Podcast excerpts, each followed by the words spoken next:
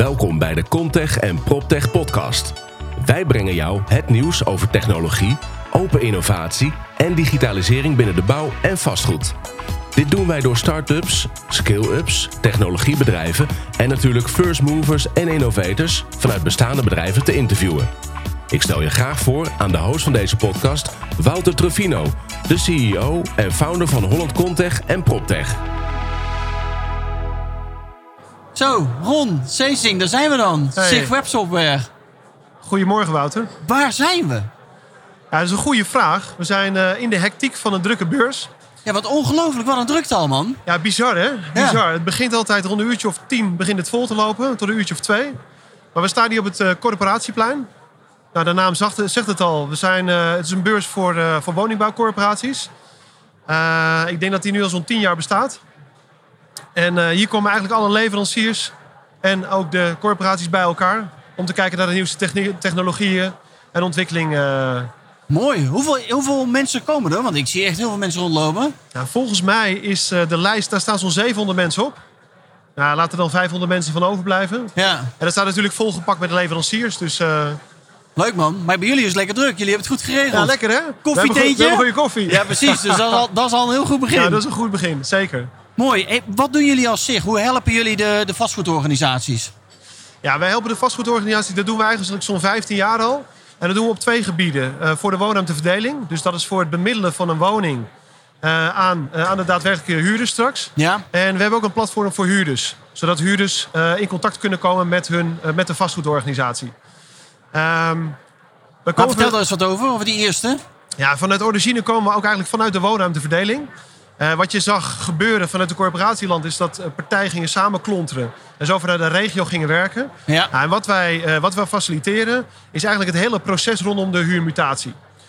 Dus het, het publiceren van de woning, het zoeken en vinden van de woning door de woningzoekende en ook de digitale ondertekening. Cool.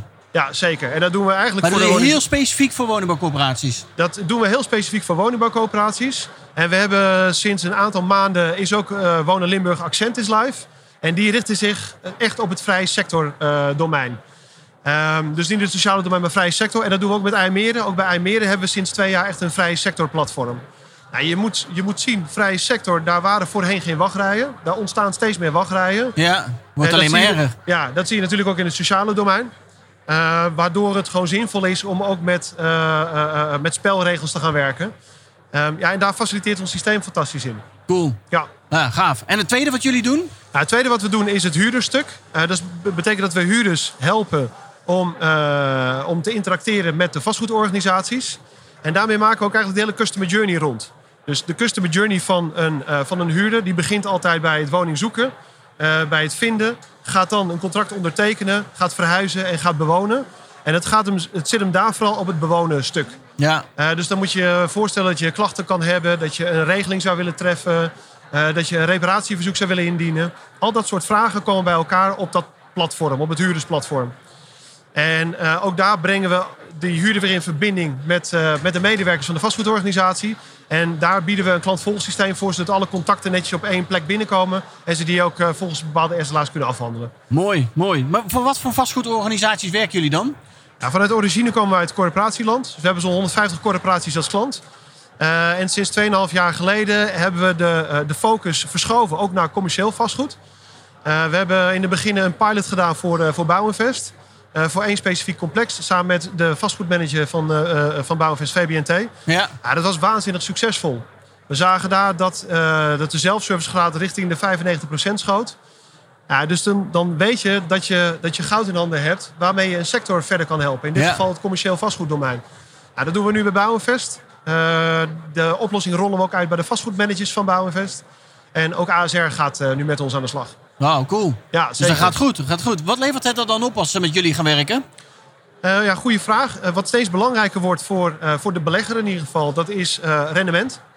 Alleen ook de klanttevredenheid wordt steeds belangrijker. Ja, En die klanttevredenheid zit hem heel erg in de beleving. Hoe ervaart zo'n klant nou eigenlijk de dienstverlening? Nou, en dat wordt wel steeds belangrijker. Maar Ehm, waarom wordt dat belangrijker voor dat soort partijen?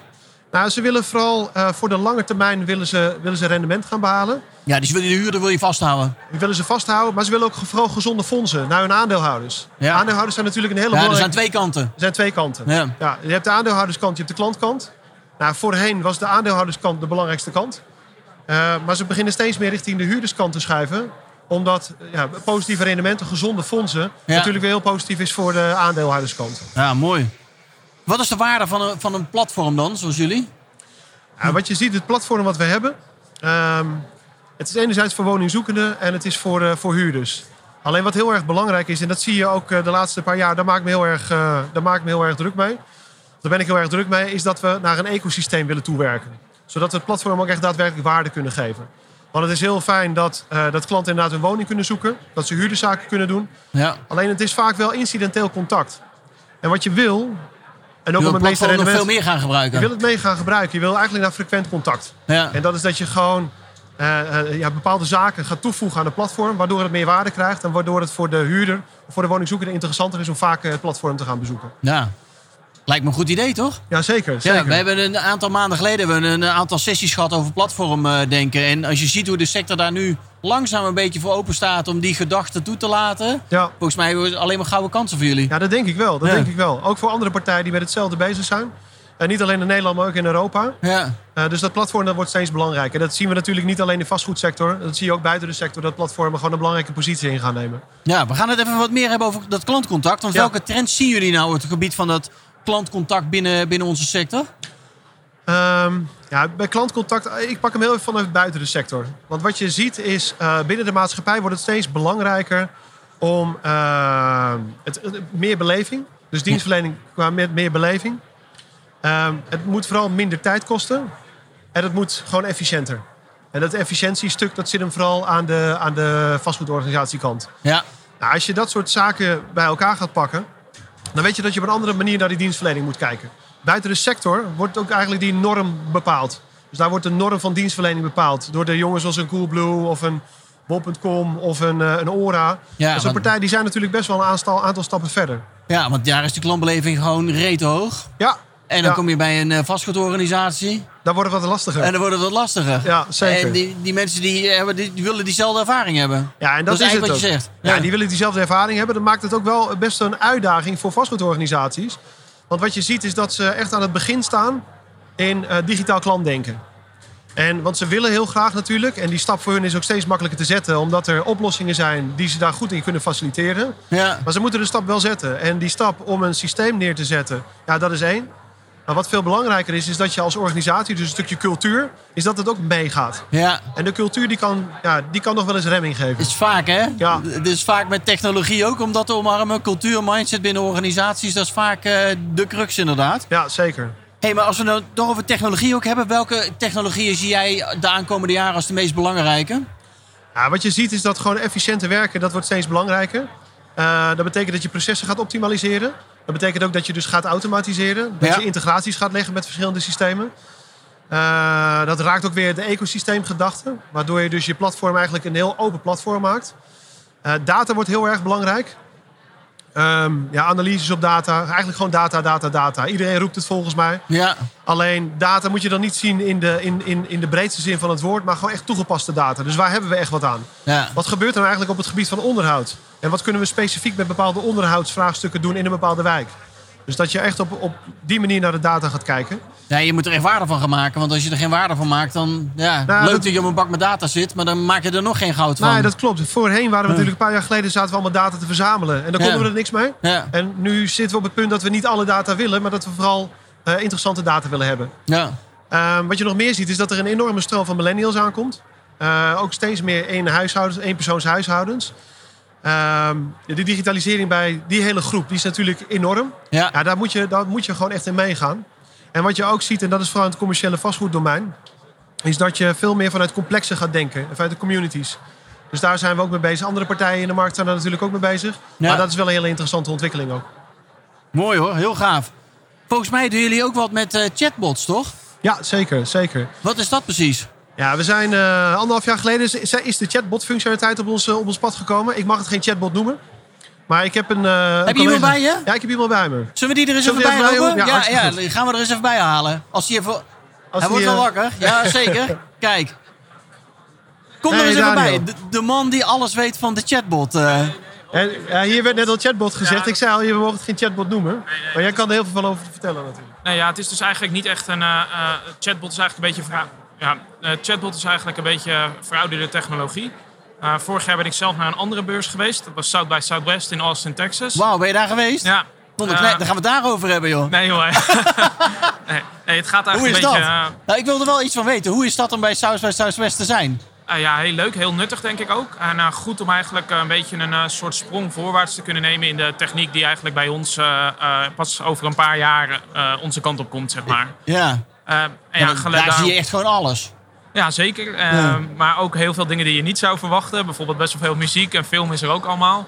Dus Ja. dat is echt heel nuttig om daar eh, zelfs een dag of tien te zijn, geloof ik. Dus, eh, Vet. Ja, ik wil gaaf. daar echt wel een keertje heen met een aantal mensen uit onze sector. Nou, eh, wie weet We gaan, nu, jaar. we gaan nu naar de Next Web in Nederland. Nou, Oh, dat is een beetje de kleine versie zeg maar, van South by Southwest. Maar da- daar is het ook ooit begonnen allemaal. Ja, zeker. En ook best wel wat mensen van de Next Web daar in, in Austin gesproken. Omdat zij daar eigenlijk ook gewoon rondlopen om hun ideeën op te doen. Ja, heel gaaf. Maar ja, terug naar de chatbot. Ja. Nou ja, eigenlijk zien Dat wij... is hem dus eigenlijk niet, hè, de Nee, chatbot. Want hoe nee. moet ik hem eigenlijk noemen? Eh, ja, ik zou het eh, hybrid messaging willen noemen. Maar dat is wel een hele hippe term. Eh, die is nog niet helemaal geland, denk ik, hier in Nederland. Maar waar het eigenlijk om gaat, is dat we... en- daarom noemde ik net South by Southwest ook. dat het draait eigenlijk om niet AI inzetten om mensen te vervangen. En dat zie je heel veel in de markt gebeuren. Hè. We zetten consumenten in een soort chatproces... Waar, met een bot waar, die eigenlijk niet begrijpt waar het over gaat. En heel misschien word je uiteindelijk naar een mens doorgestuurd... als je lang genoeg doordramt. Uh, maar we willen eigenlijk toe naar een technologie of eigenlijk uh, een gesprek waarbij je uh, AI inzet om de mensen die die chats moeten behandelen te ondersteunen. En Ja. dat is ook wat ik meegenomen heb uit, bij, uit South by Southwest. Dus AI moet mensen gaan ondersteunen in plaats van mensen vervangen. Zeg Ja. Proberen te vervangen. Dat kan helemaal niet. Nee, moeten we gaat niet om de samenwerking. Maar hoe werkt dat dan precies? Want kun je, kun je een voorbeeld nemen? Ik, Ja, ik, ik ben bijvoorbeeld een huurder bij de Alliantie. Ja. En ik heb een lekkage in mijn, nou, mijn badkamer. en Nou, dan? Nou, misschien begin je het gesprek dan wel heel erg boos. En word je nog veel bozer als een chatbot eh, meteen zegt... Oh, sorry, eh, ik heb uw vraag niet eh, begrepen. Wat is de vraag precies? Nee. Wij gaan pro- eh, be- eh, bijvoorbeeld proberen om eh, eerst de emotie uit het gesprek te halen. En dat kan best door een mens gedaan worden. Terwijl je daarna weer in een automatische flow terechtkomt. Misschien pakt de mensen dan weer eventjes over. Voordat het naar de tweede lijns technische dienst wordt doorgestuurd. Waarna het daarna weer gewoon door de chatbot opgepakt kan worden. Of een vergelijkbare technologie. Ja. Maar het gaat dus om het samenbrengen van al die technologieën om eigenlijk persoonlijk en schaalbaar contact mogelijk te maken. Cool. En hoe reageren mensen daarop? Eh, heel verschillend. Eh, sommige mensen durven na eh, een gesprek van twi- 20 berichten te vragen: praat ik nou eigenlijk met een robot of met een mens? Ik weet het eigenlijk niet echt. Maar daar hebben we natuurlijk een standaard antwoord op. Ja, die, die komt vanuit de chatbot. Ja, zeker. Cool. Ja, ja. Maar Zie je nou dat mensen het daadwerkelijk... Want je, je gaat dan dus naar een website van de handels om je, om je klacht te melden. Gaat dat Ja. steeds meer gebeuren? Of gaan ze toch steeds meer mensen gewoon toch nog die telefoon pakken? Eh, nee, ja, Of wij dat- geloven heel sterk in de sociale kanalen. Daarom is onze webchat-plugin eigenlijk ook zo gemaakt dat je direct geonboard wordt naar een sociaal kanaal van jouw keuze. Dat kan eh, WhatsApp zijn, maar dat kan ook Facebook Messenger, Telegram. Maakt allemaal niet uit zijn. ja. Uh, maar we geloven eigenlijk dat websites en apps eigenlijk een beetje de interfaces van uh, 2015 waren, zeg maar. Ja. Uh, we moeten, naar dat, uh, onze diensten aan, we moeten er naartoe dat we onze diensten aanbieden op het sociale kanaal. Want daar, dat is het kanaal waar mensen al zitten. Iedereen heeft al WhatsApp. Maar niemand heeft uh, uh, de Alliantie-app om uh, whatever te doen. Zeg Ja. maar. Dat gaat niet meer gebeuren, denken wij. Je ziet nu al heel veel bedrijven die onwijs veel moeite hebben met het geïnstalleerd krijgen van hun applicatie. Nee, je moet die dienstverlening gewoon verleggen naar de plek waar de klant is. En dat zijn, wat mij betreft, de sociale messaging kanalen. Ja, cool. Gaaf. Ja, heel leuk, ja. Waar passen jullie dit nu inmiddels al toe? Uh, In de sector? Ik geef hem weer een rond. Pak deze, Ron, ja, pak pak deze hem er eens eens even bij. Ja, Ja. we doen het bij een aantal partijen. Uh, we doen het bij Room, een studentenplatform is dat. Ja, daar wordt ook onwijs goed op gereageerd. Wat je ziet is dat uh, het aantal contacten gaat ook flink omhoog. Alleen je gaat echt een gesprek voeren met de klant. Ja. Dus er zit zo ontzettend veel waardevolle informatie in. Ja. En op die waardevolle informatie kan je weer sturen. Enerzijds kan je de proces optimaliseren. Maar je ziet ook aan de voorkant waar je daar nog kan verbeteren. Zodat, het, zodat de ervaring, waarvan ik net zei dat die zo ontzettend belangrijk is, gewoon nog beter wordt. ja, dus het gaat al puur om klantervaring, klantervaring, klantervaring. Ja, ja, ja. ja en het Beleving. Gaat, ja, beleving inderdaad. En uh, we doen het ook bij Wonen Zuid. Bij Mooiland doen we het. Eh, een partij als de Alliantie die overweegt het. Ja, en wat vooral van belang is, is dat we hebben begin dit jaar weer een pilot gedaan.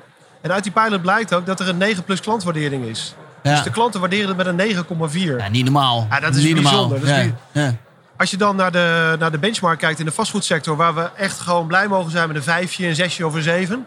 7 is de max. Volgens mij heb ik nog nooit een 7 gezien. Echt. Dat is niet Een best. klein beetje. Nou ja, die is 7 het- is op zich prima, maar Ja, die 5 maar- en die 6 dat kan beter. Het is een groot verschil. Het is een Ja. groot verschil. En dat betekent ook, je hebt, eigenlijk hebben we heel erg moeite om goede dienstverlening te leveren via de meer traditionele kanalen.